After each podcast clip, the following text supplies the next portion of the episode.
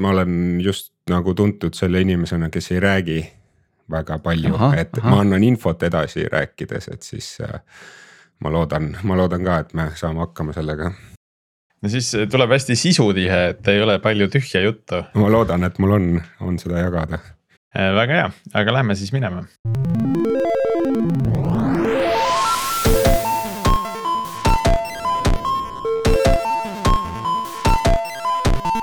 tere taas Algorütmi kuulama, on kahekümne esimene aprill ja eetris on meie saja kahekümne kaheksas episood. mina olen Priit Liivak Nortalist ja minuga koos on stuudios Tiit Paananen Veriffist.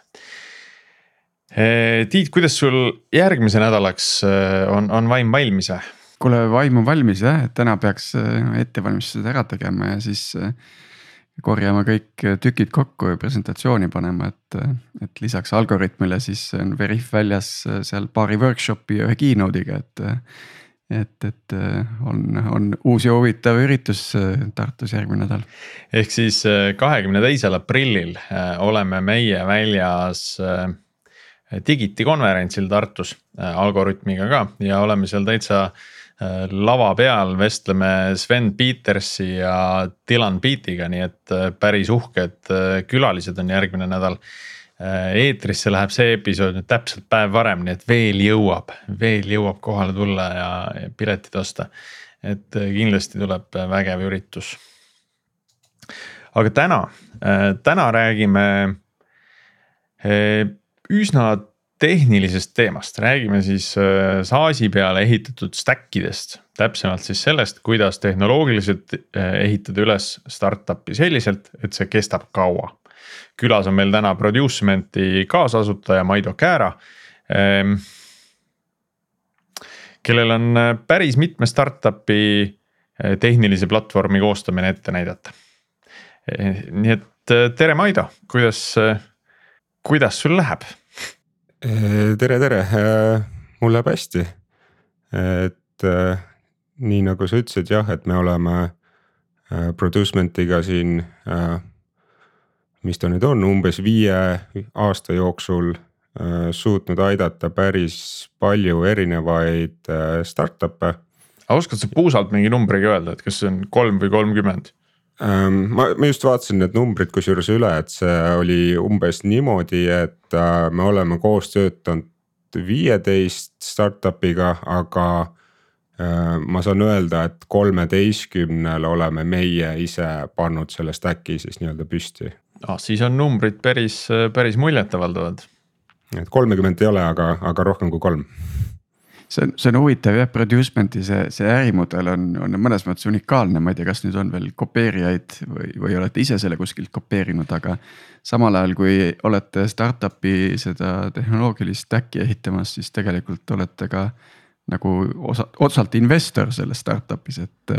et selliseid näiteid tegelikult on ka siin võib-olla nii väga mitte kodumaal, aga, aga Rootsist ja Saksamaalt ja, ja mujalt Äh, leiab selliseid, ütleme võib-olla mitte päris samasuguseid, aga sarnaseid, kus äh, osad näiteks äh, selle asemel, et oodata, et mõni startup nende poole pöördub, siis nad teevad ise äh,. otsivad ideid ja proovivad äh, ideede peale siis äh, palgata tiimi ja, ja siis see nii-öelda käima lasta. et see tundub, tundus ka meile vahel et võiks olla selline huvitav idee, aga, aga, aga see ideede leidmine, see protsess tundub nagu ikkagi päris keeruline, et lihtsam on, kui keegi, keegi tuleb ukse taha koputama. et käia nagu startup pitch idel ja, ja otsida just häid ideid, kus on äh, entukas äh, idee autor, aga tal pole võib-olla tiimi selja taga, et. et see on ka huvitav mudel, et nagu sihuke ärategija natuke, et ja. otsime ideed ja teeme ära. siinkohal lihtsalt äh, väike vihje jälle Eesti riigi suunas, et äh, täitsa tasub kaaluda sellist mudelit ka potentsiaalselt äh, maksude kogumisel, et selle asemel, et pool investorite rahast startup'i esimestel kuudel ära võtta, tasuks äkki seda pigem konverteerida osaluseks ja võtta gramm hiljem veidi rohkem, et et siis et riik peaks tegelikult Producement'ile pakkuma konkurenti, et oleks ka selline ähm, ettevõtlust edendav arendustiimide kogum, kes aitab siis neid ideid ellu viia ka? ei, ei, ei pigem riik peaks äh, oma Ainult maksu, äh, maksu küsimise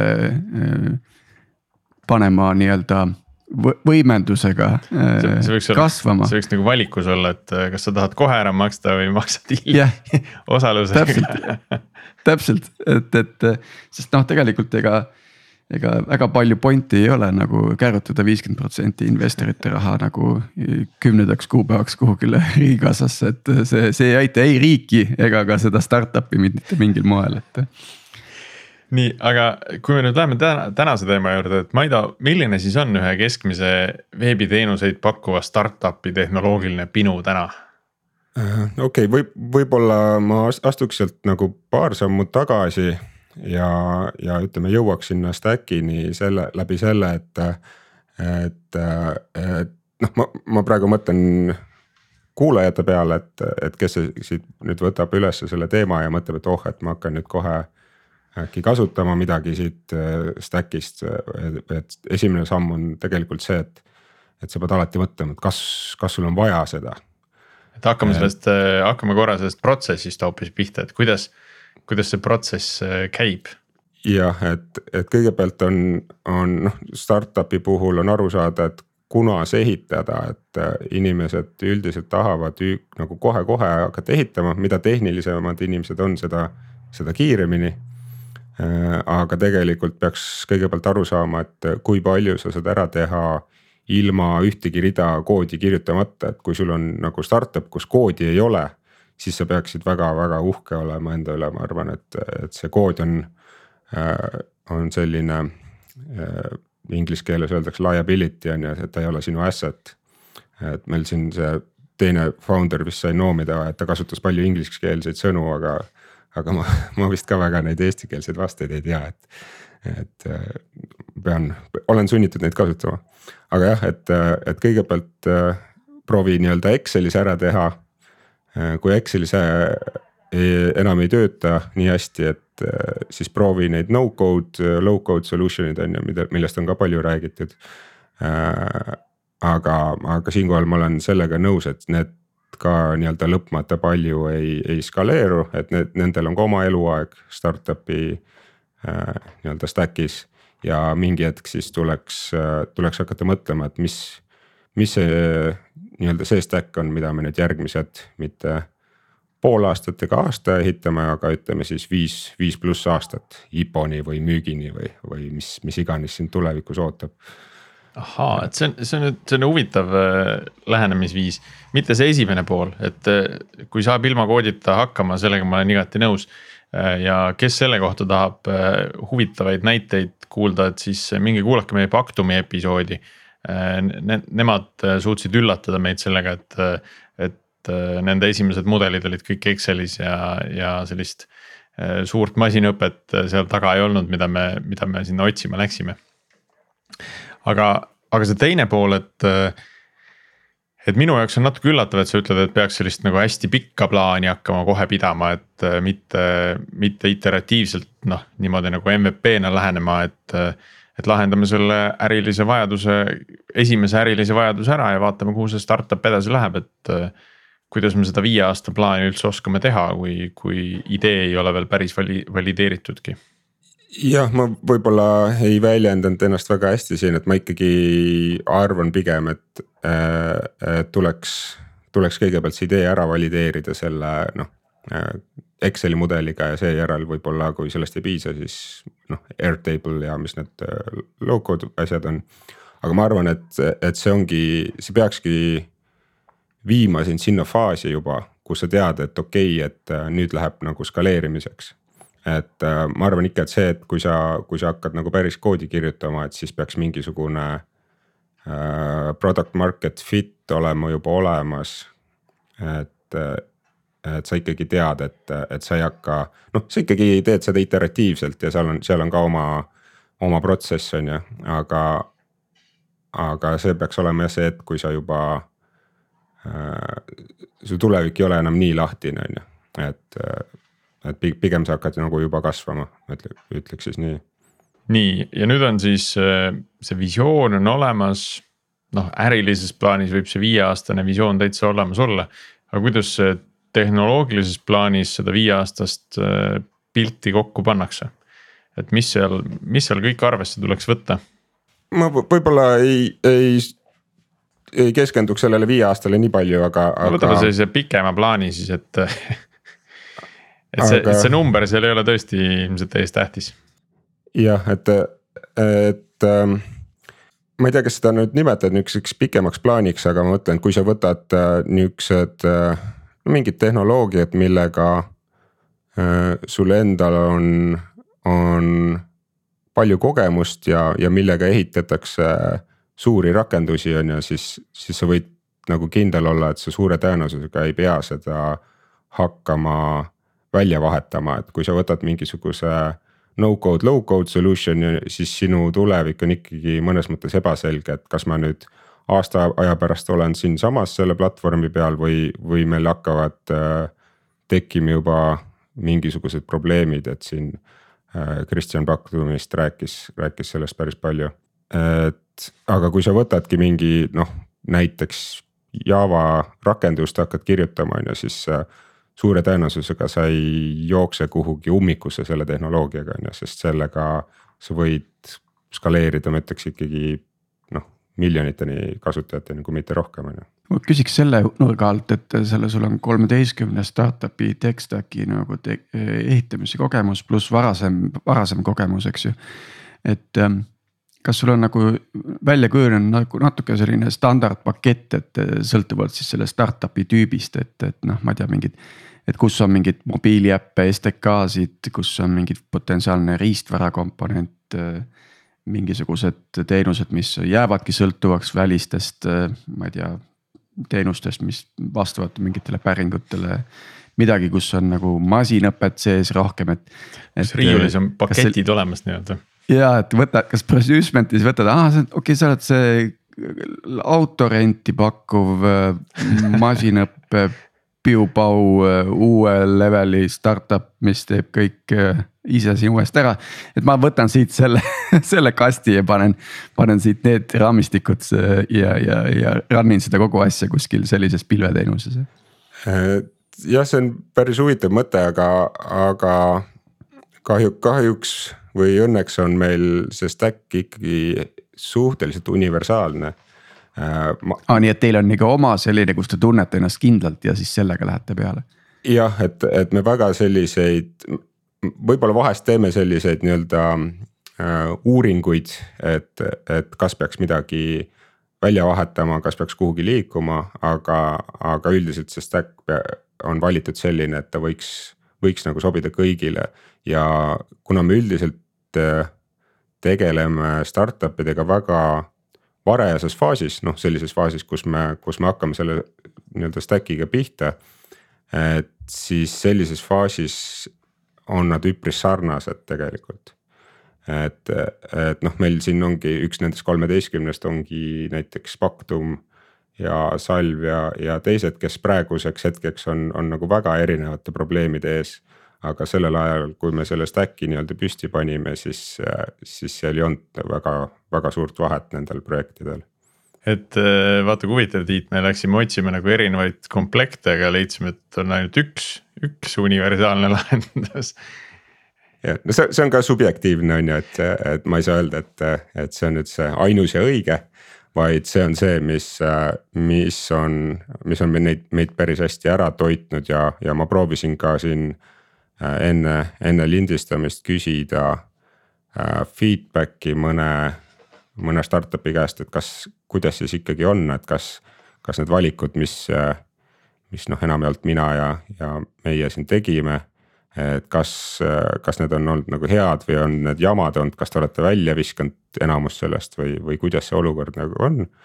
ja üldiselt ikkagi sain nihukest positiivset tagasisidet, et, et ei, et kõik on, kõik on nagu hästi ja kõik nagu töötab, et juurde on asju lisatud muidugi, aga, aga väga nagu kõrvalekallet ei ole olnud sellest äh, algsest aga võtaks selle menüü siis lahti, mind väga huvitab, et eh, mis on nagu starters ja kuidas on nagu main course jagatud ja, ja mis siis magustoiduks pakutakse, et. et jah, seal kindlasti midagi väga nihukest seksikat võib-olla ei ole, et äh, mina ajalooliselt olen ikkagi Java arendaja, et Priiduga me olime Nortalis või Veebmeedias isegi koos. Et, äh, et seal on minu nii-öelda juured ja sellega ma tunnen ennast äh, ennast kõige rohkem kodus. et see tundus nagu kõige loogilisem valik olevat ja, ja tegelikult me äh, mõtlesime natuke enda jaoks välja, võib-olla ka natukene retroaktiivselt, et äh,, et miks äh,, miks me mida valisime stack'i ja, ja mis on need nii-öelda reeglid, et, et üks põhiline asi on, et Äh, mis on startup'ile väga tähtis, on äh, arendajate leidmine, et äh, sul ei ole mõtet valida stack'i sellist, kuhu sa ei leia kedagi, kedagi arendama peale. et see on kindlasti väga tähtis asi. siis me proovime hoida stack'i võimalikult kitsana, et me ei vali sinna väga palju erinevaid tehnoloogiaid, kui, kui üks, üks asi lahendab mitu probleemi, et et oletame, et kui me valime AWS-i cloud'i endale põhjaks, et siis me ei hakka sealt kõrvalt äh, valima teisi teenuseid juurde, kui AWS ise pakub äh, samu teenuseid, et isegi kui nad võib-olla on mingi, mingi protsent kallimad või, või võib-olla ei ole täpselt nagu nii hea kui see teine. Aga kui ta probleemi ära lahendab, et, et lihtsalt selle tõttu, et kui sa hakkad jälle onboard ima uusi arendajaid, et mida kitsam see stack on, seda, seda kiiremini sa saad onboard ida, mis startup'ile tähendab, et seda kiiremini saab ta liikuda. selle pilveteenuste juurde tuleks hiljem natukene tagasi, eks ju, et aga, aga ühesõnaga Java ja AWS, eks ju, ja AWS-i poolt pakutav teenuste nimekiri on ju, mis edasi? jah, no võib-olla täpsemalt siis öeldes, et tegelikult ikkagi, tegelikult on meil Kotlin olnud algusest peale, et nii-öelda noh, JVM, äh, Kotlin, Spring Boot. Äh, tehnoloogiad, kuhu peaks olema väga lihtne leida arendajaid. Äh, siis ähm, me oleme lähenenud natukene, ma olen näinud nagu kahte moodi lähenemist API, API-dele, et kas sa nagu kirjutad oma controller'id ja siis genereerid selle pealt oma selle OpenAPI spec'i. või vastupidi, et sa kirjutad kõigepealt spec'i ja siis genereerid koodi, et meil on see teine lähenemine, kus me võtame spec'i, kirjutame ette ja sellelt, selle pealt genereerime nii back-end koodi kui ka front-end äh, koodi. Äh, Front'is on siis meil üldiselt äh, äh React TypeScriptiga see on ka üks, üks asi, mis meie stack'is on, on kindlasti äh, reegel on, on tüübi, tüübikindlus. et see on, see on nihuke mitte läbi räägitav teema, et, et need on, see on see, mis me juba oleme, et see on su subjektiivne arvamus võib-olla, aga, aga lihtsalt nii ta on. ja, ja äh, kui on vaja siis äh, äppe kirjutada, siis meie oleme valinud selleks välja Flutteri. millele siis ka saab äh, OpenAPI spec'i pealt genereerida kliendi. et väga, oleme leidnud, et väga kiiresti saab, saab nagu liikuda tänu sellele just selle OpenAPI generaatorile et kirjutad spec'i valmis, genereerid nii kliendid kui serveri ja siis lihtsalt lihtsalt hakkad tegelema äriloogikaga selle asemel, et te, selle nii-öelda üles, ülespanekuga ja selle nii-öelda äh, nihukese mõttetuma koodiga seal tegeleda. ja mõnel juhul ka äh, näiteks Salves on, on selles sama spec'i pealt genereeritud ka kogu dokumentatsioon. et mis, mis omakorda aitab seda kõike süngis hoida, et sa tead alati, et kui on dokis kirjas siis täpselt nii ongi, sest noh, muud moodi lihtsalt ei ole, ei ole see võimalik.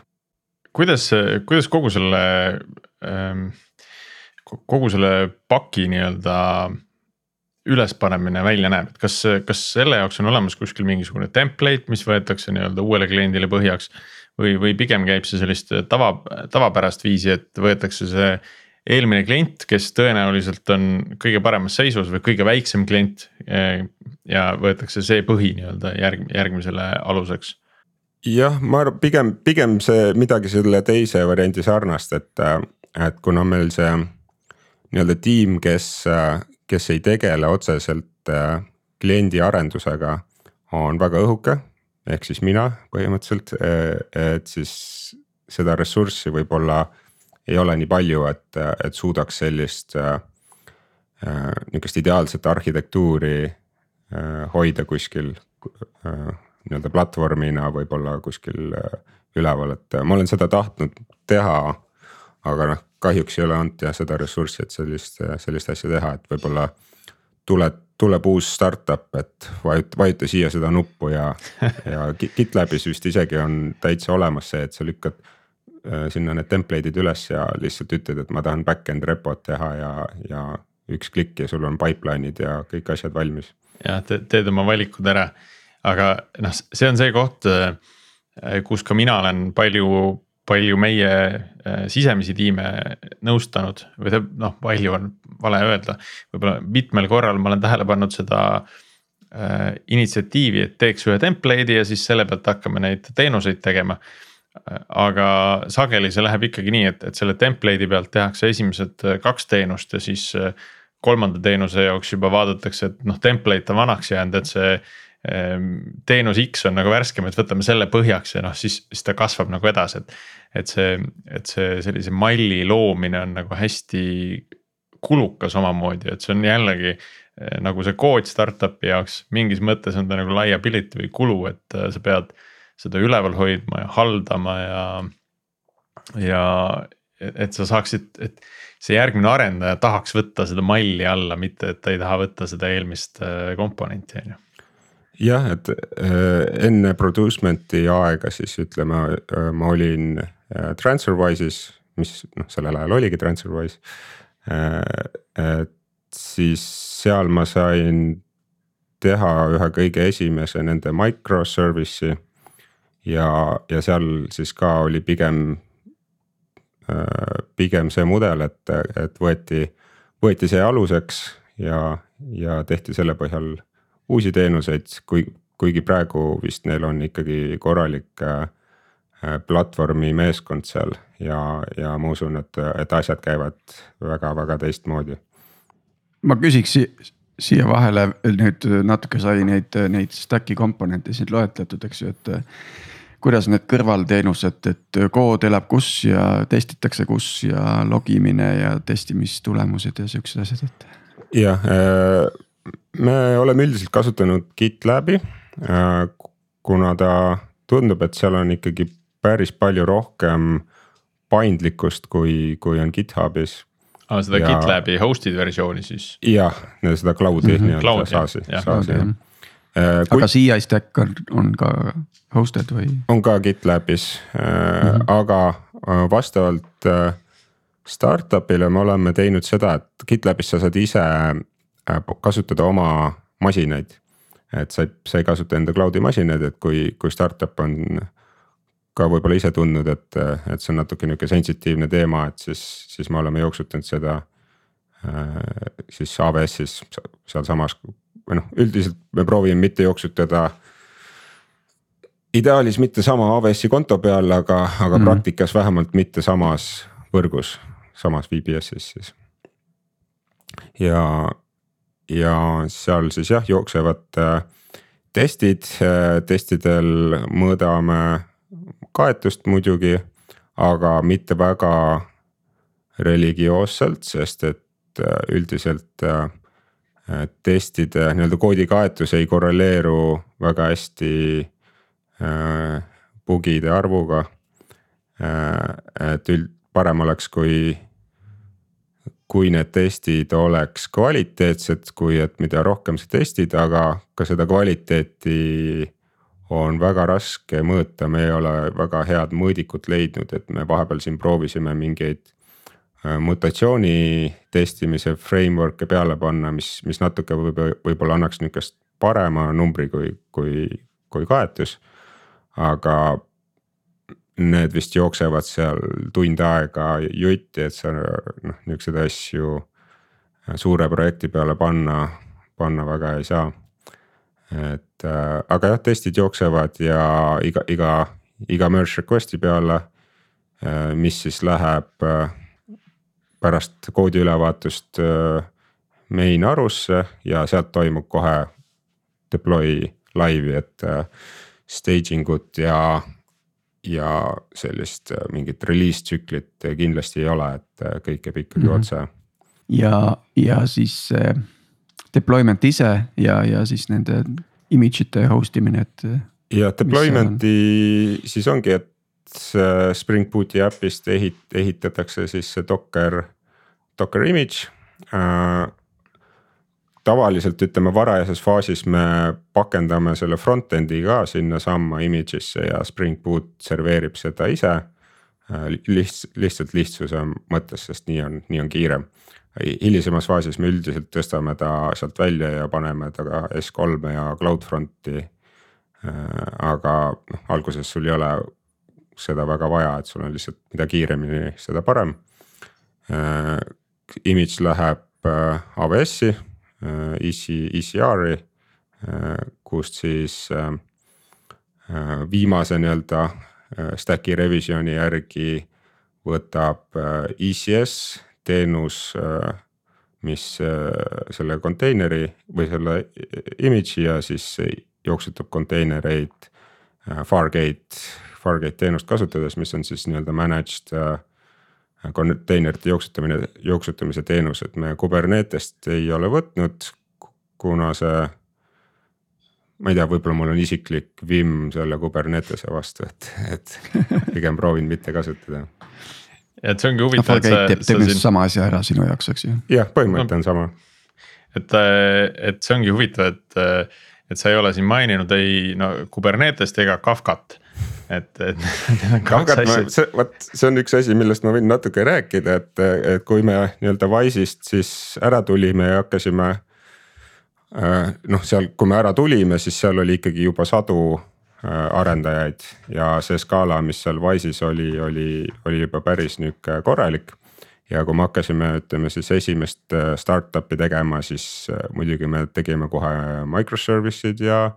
ja panime Kafka tööle ja siis, siis debug isime seda Kafkat seal tükk aega, et.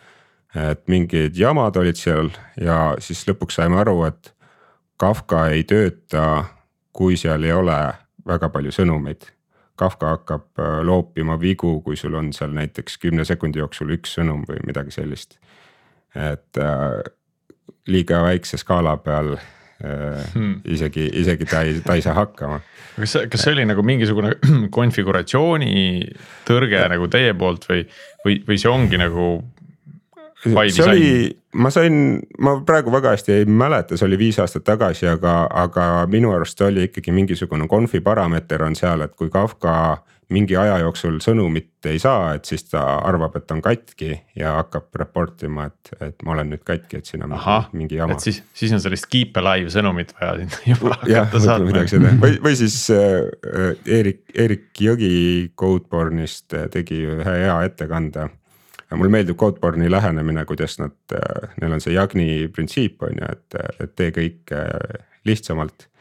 Siis, et kuidas, kuidas Postgresi baasis äh, seda for update skip locked süsteemi kasutades sa saad endale päris normaalse message queue ehitada, ilma et sa peaks võtma mingit, ma ei tea, Kafkat või isegi Rabbitit, et sa. sul noh, nii varajases faasis startup'il kindlasti ei ole vaja seda messaging'u sellisel kujul, pluss äh, see hoiab jälle stack'i kitsana. Äh, ja sul on äh, transaktsioonid ja nagu baasi ja message, messaging'u vahel nii-öelda säilivad ja. ja ma alati soovitan alustada sellest ja siis mõelda, kas sul on ikka päriselt seda messaging'u vaja või, mitte mm.. ja, ja baasid on siis üldiselt Postgres või, või? jah, et kui juba sinna jõudsime, et baas on, baas on Postgres, üldiselt proovime sinna väga palju loogikat mitte panna. Äh, kuigi seal me mõne kolleegiga võib-olla lähme natuke arvamuselt lahku, et mina arvan, et tegelikult võib panna te, teised arvavad võib-olla, et ei võiks. aga baasi ees on ka midagi või teenused lähevad kõik otse? baasi ees, mis, mis seal olla võiks, ma võib-olla praegu no ei... ma mõtlen, et noh, mingisugune, mingisugune API kiht, eks ju. või, või on see, et kõik teenuste poole pandud? Äh, üldiselt, äh, üldiselt meil ongi ainult üks teenus äh, jooksmas, et siis, siis seal vahel enam midagi ei ole. et sellest me ikkagi oleme loobunud, et me microservice eid teeme, et, et ikkagi üks monoliit. kui hakkab kasvama, siis sa teed ta modulaarseks ja sa ei pea, sa ei pea tegema microservice eid selle jaoks, et saada nagu enamus sellest kasust tegelikult, mis sa sealt saad, et kui sul on äh,. Piisab sellest, et kui sul on äh, igal tiimil võib-olla oma moodul, mida ta haldab ja, ja, ja. üldiselt see, see microservice ite äh, et nii-öelda see plaan või see deployment, see toob kaasa päris palju rohkem peavalu, kui kui probleeme, mis ta lahendab, et, et neid probleeme annab lahendada ka vähemalt alguses äh, teistmoodi. Ja just, et see, ma arvan, see algusfaas on siin nagu eriti oluline nagu veel kord ära rõhutada, et, et see noh. Spotify'l on vist iga nupu jaoks on eraldi põhimõtteliselt mikroteenus on ju. et tegelikult seda nagu esimeses või algfaasis ei ole isegi neid nuppe nii palju, on ju, et sa tahad teha midagi hästi lihtsat, et seda Spotify näidet võttes, et noh, see. Startup'i algusfaas on ju tõenäoliselt muusika striimimine on ju, mitte nagu äh, igasugused kellad ja viled, mis äh, ägedaid soovitusi annavad äh, kuulamise ajaloo põhjal on ju jah, et seal, kui, kui jälgida ka seda nii-öelda seda twelve factor äpi põhimõtet äh,, millega te vist olete kursis, ma eeldan, et, et siis. kes kuulajatest ei ole, siis minge otsige üles, et ongi twelve factor äpp on. Jah, et, et kui seda nagu jälgida, siis tegelikult sa saad ka skaleeruda, ma arvan, päris, päris kaugele, enne kui sul üldse mingeid mikroteenuseid vaja läheb. et kui sul on nihuke ilm, ilma, ilma state'ita rakendus, mida sa võidki noh, lihtsalt pan-, jooksutada nii mitu instance'it, kui, kui sa tahad ja ma ei tea, lõpuks, lõpuks, kui sa jõuad võib-olla tuhande või rohkem arendajani, et siis hakka mõtlema selle microservice ite peale. mind veel huvitab natuke sellest menüüst, et kas seal mingisugust serverless asja ja mingit masinõppe stack'i ka on või? Äh, vot serverless'i koha pealt on niimoodi, et, äh, et see nüüd väga oleneb äh, startup'ist. et ma ise olen sellest proovinud mööda nagu hoiduda, aga ma näen, et see on tegelikult päris hea asi. Et äh, kui sul on see kompetents, äh, noh serverless'i JVM-i peale teha on, on üpris keeruline.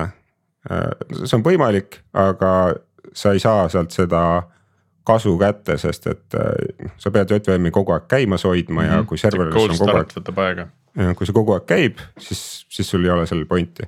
Aga kui sul on, kui sa just optimeerid kulusi, ütleme väga varajases faasis, et sul on startup, kellel ei ole investoreid veel, et, et siis tegelikult tänu serverless'ile saab isegi päris odavalt hakkama.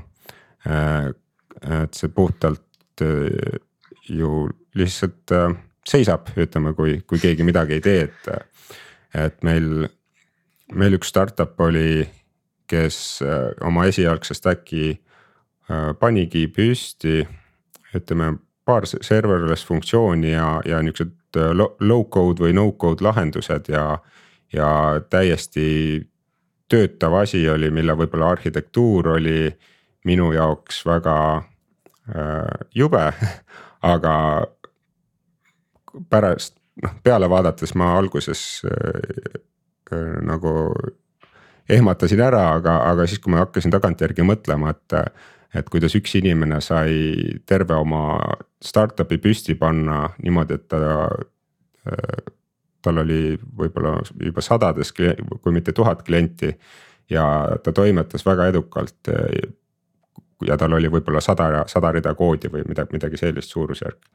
et äh, sealt ma olen natukene saanud sellist respekti selle Äh, low code'i ja, ja serverless'i jaoks. Et kuigi ma ise ei ole väga palju kasutanud. sõltub sellisest interaktsioonide hulgast ka, et kui sul on sada klienti, aga igaüks käib äh, käib võib-olla korra kuus midagi vaatamas, et siis on noh, kolm korda nagu tehakse äh, mingi, mingi hulk päringuid päevas. ja ülejäänud sellest päevast tegelikult kogu see infra saab nagu seista ja, ja kulu mitte toota, on ju. jah, et seal on, mida ma võib-olla lihtsalt sellepärast, et ma ei tea piisavalt, aga, aga mida ma näen, on see, see, see raskus nagu võib-olla testida neid asju äh, nagu ühe tükina äh, lokaalselt või, või kuidagi ilma seda üles panemata, sest et see ülespanek on noh, see on väga, see on aeglane protsess et äh, muidugi, muidugi tuleb alati kirjutada teste, et sa tead, et see, see asi nagu töötaks, aga mingi hetk oleks sul vaja. see kuidagi ikkagi ära integreerida ja, ja seal serverless'i juures ma kuidagi tavaliselt struggle in selle. selle, just selle kohaga, et äh, kuidas see asi nüüd, kuidas see kogu kompott nüüd koos töötab. et mm -hmm. see võib tulla puhtalt minu ebakompetentsusest selle koha pealt. arendaja masina kohta tahtsin veel küsida, et noh, oletades, et see tõesti on nagu üks äpp, eks ju, ja, ja, ja kõik on nagu ühes konteineris koos, et siis see. see arendaja, põhimõtteliselt kogu asi töötab sinu arvutis nagu kogu aeg, eks. jah, et no ütleme meie stack'i puhul on, sa tõmbad, teed git clone, äh, teed docker compose up äh, ja tegelikult sa isegi seda sammu ei ole vaja tänu sellele mul ei tule see projekti nimi meelde, aga põhimõtteliselt see Java konteinerite äh, library. saad teha sellise põhimõtteliselt listener'i, et kui sa äppi käima tõmbad, siis ta tõmbab sul konteinerit ka käima, et sa lihtsalt siis panedki äpi käima ja sul on baas olemas, sul on front-end jookseb, sul back-end jookseb ja lihtsalt ongi kõik, et üks, põhimõtteliselt üks käsk ja. kunagi ähm no aastaid-aastaid tagasi mina tegin enda bakatöö raames äh, mingisuguse jubina, millega sai siis äh, nii-öelda desktop veebirakendusi arendada. ehk siis sul oli desktop äh, Java rakendus, mille sa panid lihtsalt jarri käima ja JRE-ga. aga seal sees oli siis ka rakendusserver ja, ja siis ka andmebaasi komponent. et sa said nagu jagada seda, et sa said oma veebiarendustiimiga teha põhimõtteliselt desktop rakendusi et see natuke läheb nagu sinnapoole, et sa paned samamoodi selle rakenduse käima, sulle tõmmatakse mingi hunnik konteinereid kuskile kuigi Docker on vist veel sõltuvus, aga saaks sellest ka lahti, oleks päris äge. jah, et see noh, ütleme kui Linuxi peal sul ei ole Dockerit vaja, on ju, see on ja. teistel platvormidel kahjuks, kahjuks on äh, selline huvitav projekt on ka olemas, ma ei mäleta teda nime praegu, aga, aga on selline nagu library, et kui sa selle, mis äh, on nagu binary, mida saab jooksutada kõikidel platvormidel. ja kuna tal kasutab mingit häkki seal header ites, et Windows loeb teda ühte teed pidi ja mm. Linux loeb teist teed pidi, aga sama binary jookseb kõikidel platvormidel ja kasutatakse seda. keegi ehitas veebiserveri, mis jookseb kõikidel platvormidel ja sa võidki teha niukse rakenduse, et jagad ühe faili laiali ja, ja see jooksebki absoluutselt igal pool üks avenue veel, veel, mida tahaks sinu arvamust selle kohta, et, et. noh, praegu ma saan aru, et tegelikult startup'id, keda te aitate, nad jäävad nagu AWS-iga nagu päris sõltuvaks, aga. mis hetkel see nii-öelda cloud'i platvormi sõltumatus nagu hakkab üldse rolli mängima, et, et kas seal on mingisugune evolutsiooniline areng siis äh, ühelt platvormilt teisele või, või kuidas see välja näeb? jah, seda me proovime ka teha hästi-hästi teadlikult, et ähm, et me proovime üldiselt äh, mitte, mitte lisada rakendus äh, no just selle nii-öelda siis AWS-i sõltuvusi, kui, kui me seda ei pea tegema. et üks hea näide on, on parameetrid, äh, mida conf ida, et. et kas sa nüüd, sa võid võtta selle AWS-i selle parameeter store yar'i ja hakata parameeter store'ist parameetrid lugema, mis äh, Spring Boot'i peal toimub suhteliselt vist automaatselt, et paned ta külge ja, ja ta töötab. aga ta seob sinu rakenduse mingis mõttes ära AWS-iga, et äh, aga tegelikult sa võid hoopis kasutada sedasama parameeter store'i. aga sa saad äh, nii-öelda inject ida need parameetrid äh, läbi keskkonna muutujate. Et, et selliste kohtade peal me proovimegi teha selliseid valikuid, et mis meid kõige vähem selle, selle cloud'iga seob. ja sest meil on olnud startup'e, kes on öelnud, et kuulge, et me peame, me peame Google'i peale ikkagi minema, et meil see, meil see AWS ei sobi. ja siis oleks hea, kui, kui see oleks nagu lihtne teha ja, ja üldiselt ta, ta võiks, võikski olla, et sa võtad selle konteineri lihtsalt teisest kohast ja, ja ongi kõik ja ta läheb käima mm. -hmm.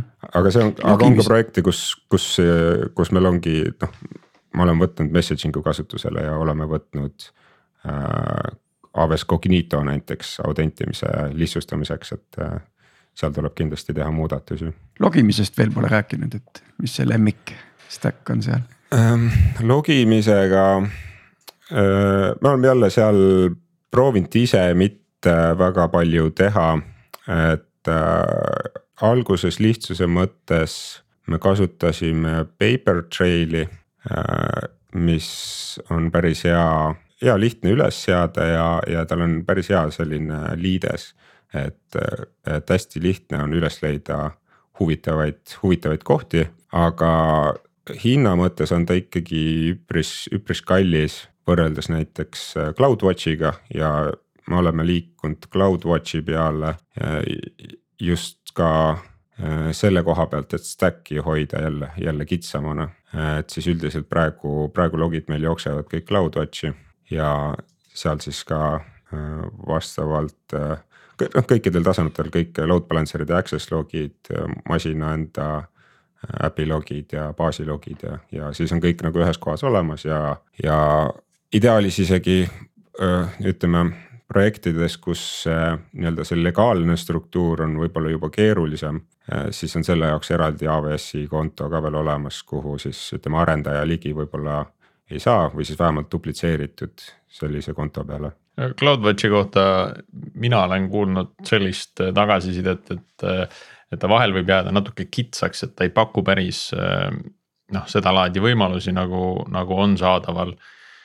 Ma ei tea, Greylogis või, või Elasticus Stacki peal on ju, et sa saad ikkagi üsna sellise basic logide agregeerimise ja, ja otsimise, filtreerimise võimalused. ja sellega ma olen jah sada protsenti nõus, esiteks see liides on, on neil üpris kehva Äh, seal on üks asi, mida ma soovitan kasutada, on tegelikult äh, JSON logid. et kui sa logid äh, JSON formaadis, siis CloudWatch lubab sul siis query da seda JSON-it ja see teeb seda natukene lihtsamaks, eriti, eriti just access logide põhjal, kus sa tahad võib-olla mingi kindla välja järgi leida logisid ja muidugi äh, isegi kui sul ei ole mikroteenuseid, siis tasub Äh, sleuth külge panna, mis sul mm -hmm. äh, paneb ID-d iga, iga request'i külge, et sa saad aru, äh, kuidas need logid täpselt jooksevad. nii, nüüd on äh,, ma küsin selle ka ära, mis mul siin mõnda aega juba soolas on olnud, et äh,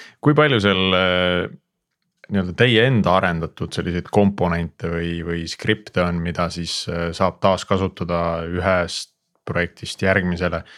noh, ma kujutan ette, et ka nagu ehitusskriptid teatud mõttes seal, seal on selliseid, ma ei tea, erisusi sees, et kuidas, mis selle AWS-iga suhtlevad, on ju, et mis, mis oleks nagu kenasti taaskasutatavad. Ehm, et kui palju sedalaadi komponente on? Meil on nüüd niimoodi, et me äh, nii-öelda enne producement'i me tegime veel sellist startup'i siis nagu Tuleva äh,. kus äh,, kus on kogu kood on äh, open source GitHubis äh,, siis me ise ka proovime ikkagi jälgida sellist põhimõtet, et kui, kui sul on mingi kood, mida saab teha open source'iks, siis tee see open source'iks. et meil on endal GitLabis olemas näiteks äh, need, need skriptid siis või, või need pipe, noh põhimõtteliselt pipeline'i kood, GitLabi pipeline'i kood on kõik äh, open source olemas ja teised siis äh, startup'id meil lihtsalt äh, viitavad sellele repole, mis GitLabis on, on võimalik, mis on, mis on päris mugav. Ja, ja proovime selliseid niukseid äh, tükke, mis, mis on jagatavad, et äh, need oleks, oleks kõigile saadaval ja kõigi all ma siis ei mõtle ainult meie startup'e, vaid kõiki. Äh, aga peale ütleme pipeline'i, seal üldiselt ma proovin ka hoida seda conf'i võimalikult lihtsamana, et pigem pigem mitte niukseid nice to have asju teha, mis, mis teevad seda keerulisemaks, et. et kui me saame lihtsalt juba sellepärast, et, et me ei pea hakkama jagama erinevaid nagu konfitükke või siis, et, et üks projekt ei läheks. üks, üks repo nii-öelda ei läheks väga erinevalt, erinevaks teisest, et kui inimesed liiguvad startup'ide vahel, et siis nad saaks aru, mis seal toimub. et Gradle'i skriptid vist on ka meil open source seal olemas, et, et saab mm. -hmm. GitLabis saata deploy da sinna GitLab Pages'isse ja siis üle HTTP saad sa viidata neile mm, -hmm. mis on päris mugav okei okay,, et siis äh, soovitame minna sirvima, mis, mis on pakkuda. Äh, ma vaatan, teil on GitHubi repo ka täitsa olemas ja siin on ka mingit kraami, et, et need äh, omavahel süngis. ma ei. saan aru, et ei ole, nii et nad on erineva, erineva sisu ikkagi. ja seal on jah, võib-olla mõnes mõttes olude sunnil, et kui sa fork'id mingit repot mm -hmm. GitHubis, et. ja, ja siis võib-olla niuksed lihtsamad häkid enamus asju peaks ikkagi jah GitLabis olema. väga hea, äh, selle jaoks me proovime äkki saada show notes'i mõned lingid ka pärast, siis on mõnevõrra lihtsam neid hiljem üles leida. Võib-olla siia lõppu uurikski natukene seda, Maido, et, et sa kindlasti producement'i asutades ja ehitades nagu läksid mingite eeldustega ja, ja oletustega nagu liikvele, et mis on nagu need asjad, mis sa oled pidanud mingis mõttes ringi, ringi õppima või ümber õppima enda jaoks see on raske küsimus äh,. pean selle peale mõtlema natuke. võib-olla ei oskagi kohe vastata, äkki mul tuleb hiljem see vastus äh.. aga mis siis, äh, võtame siis võib-olla lihtsama küsimuse, et mis siis nässu on läinud seda ehitades? ma ei tea, kas tehnilise, tehnilise poole pealt äh, ma ei saaks võib-olla öelda, et on väga midagi nässu läinud. et ei ole olnud selliseid valikuid, mis noh, esimese kahe Äh, kahe sellise pinu kokkupanemisel olid nagu sees ja siis hiljem said aru, et äh, ei, ei, et seda ikka ei tohi võtta. meil on võib-olla seda olnud, et no üks kahtlus on mul olnud, et me, me läksime selle riski peale välja, et me valisime sellise projekti nagu Spring Data JDBC. mis ei mm -hmm. ole mhm. väga, väga tuntud ja mis näeb väga välja nagu JPA ja, aga ta ei käitu absoluutselt nagu JPA ja see ajab äh, tihti arendajaid segadusse et seal ma olen natuke kahtlenud, et kas see, kas see valik on õige olnud, aga, aga siis ma küsisingi nüüd nii-öelda tagasisidet startup idelt ja tundub, et keegi. keegi ei ole tahtnud seda või on tahetud välja vahetada, seda ma mäletan, aga keegi ei ole reaalselt seda välja vahetanud, et et see, et see on selline nagu noh, selline persistence API, mida kõik arendajad ikkagi oma karjääri jooksul vähemalt ühe korra proovivad ise kirjutada siis. et ükski lahendus turul ei ole hea, aga aga nagu paremat ka tegelikult ei tule, et, et see on. jah, et see, me oleme sealt leidnud endale sellise asja, et sa ei pea, sa ei pea tegelema väga madala taseme asjadega, kui, kui sa võtaks näiteks JGBC template'i, kus sa noh, pead kõike käsitsi kirjutama versus äh, JPA, kus on ainult puhas maagia ja sa ei mm -hmm. tea, mis seal toimub. et siis see Spring. see on selline vahepealne nagu. jah, et sa saad ikkagi äh, tegeleda nii-öelda klassidega, mitte, mitte SQL-iga tihti, ütleme üheksakümmend protsenti juhtudest. ja, ja sul ei ole seda samas seda maagiat, et, et kunas see query nüüd käima läks ja kunas see transaktsioon nüüd siin ikkagi lõppes ja kunas tuli mälust ja kunas tuli baasist ja kogu see jama, et. Et see on ju üks teema v, võib-olla, mis meil on juhtunud, on see, et me oleme proovinud liikuda selle stack'iga kuskil suunas ja siis saanud vastu näppe, et, et näinud, et. et mingid asjad ikkagi ei tööta meil väga hästi, et kas siis meie, noh, ma ei taha, ma seda väga ei usu, et nagu tehnoloogia ise on halb, et pigem on ikkagi ei sobi endale, et. et me oleme proovinud siin kasutada näiteks just serverless mingit Amplify, Aves Amplify komponente rohkem. kus me oleme näinud, et see, et see meile väga hästi ei sobi, et äh, ja siis tagasi tulnud oma, oma esialgse stack'i juurde see on äh, huvitav, et te olete natuke unikaalses kohas, kus, kus sedalaadi eksperimente on mõnevõrra hõlpsam teha või ütleme, võtame siis teistmoodi, et neist eksperimentidest õppida on kindlasti hõlpsam. et, et äh, ühe startup'i raames noh, sa teed muudatuse, õpid, et see päris hästi ei tööta. selle, selle konteksti jaoks, eks, aga noh, sedasama ettevõtet või, või platvormi edasi arendades. sellest õppimiskohast nagu väga palju kasu ei ole, et noh, okei okay,, kahe aasta pärast uuesti ei proovi, on ju aga, aga producement'is on, on sellest õppimiskohast väga palju kasu, kui saad aru, äh, millisesse keskkonda see enam ei sobi või, või kuhu see paremini sobiks. jah, ma, ma arvan, et võib-olla üks asi, mida siit õppida, võib-olla on see, et, et seal võib-olla ei ole väga palju vahet, mis, millise sa stack'i valid, et, et tundub, et inimesed kasutavad äh, seda, mis neil on, et ma, ma ei tea, ma nagu ei tahaks olla nagu nii Äh, võib-olla egoistlik, et öelda, et me valisime väga hea nagu ideaalse stack'i, sest kõik, kõigile meeldib. või äkki on pigem see, et, et inimesed on rahu, on nagu nõus kasutama seda, mis on. Äh, et ma, ma ei, ma ei tea, kuidas ma seal nüüd nendel kahel nagu vahet, vahet saaks teha, et et kas me tegime häid valikuid või, või need valikud ei olegi üldse tähtsad? no äh, siin me jõuame ühe sellise äh, algoritmist sageli kuuldud põhitõeni tagasi, et äh, sa-, äh, et sageli on olulisem see, kuidas mingeid juur- või ütleme tuumpõhimõtteid siis järgitakse, et hästi tarkvara teha, kui see. kui need konkreetsed detailid ja konkreetsed tööriistad, millega seda tarkvara tehakse. et kui need tuumpõhimõtted on paigas, siis, siis tuleb hea asi ja, ja kui neid ei ole, siis ükski väike tööriist või raamistik eh, väga ei aita seda paremaks ja, teha. ma olen sellega absoluutselt nõus, et kui sa võtad meie, meie stack'i ette ja ka sa teste ei kirjuta, et siis äh, ükskõik mis asi, teine asi on sellest, sellest parem. just, eh, no nii, aga tänan eh, sind, Maido, siia, siia meiega meile külla tulemast ja meile oma asjadest oh, rääkimast. viimane küsimus ka ikkagi ja, see põhiline see... küsimus. et Aha, mis on küsimus, mida me ei küsinud, aga sa arvasid, et me küsime ja sa olid valmis vastama see on ka nüüd hea küsimus, ma oleks pidanud valmistuma selleks küsimuseks et.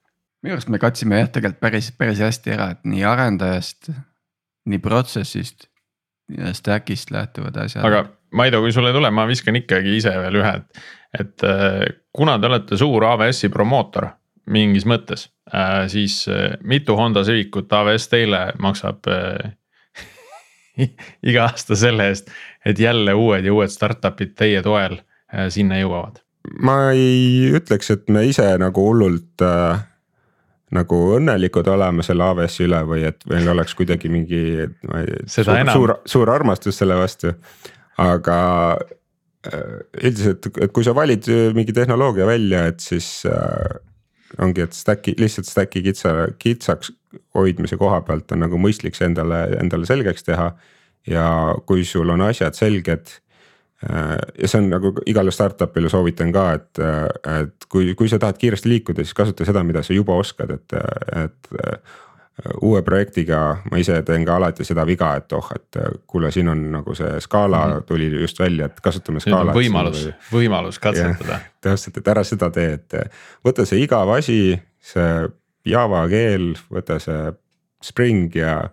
ja ükskõik, mida sa juba oled kümme aastat teinud ja, ja sa saad liikuda tohutult, tohutult palju kiiremini kui kui et sa võtad midagi, mida sa ei ole kasutanud ja, ja nüüd sa võitled selle, selle raamistiku ja selle keele ja selle võib-olla selle platvormi ja selle cloud'iga seal pidevalt ja sa ei saagi midagi, sest päeva lõpuks kõige tähtsam on startup'i puhul see, et klient saab midagi katsuda ja midagi näppida, et kui sa sinnani ei jõua, siis sa, siis sa oled fail inud, et, et merge request, mis on mergemata või release imata, ei ole ei ole valmis.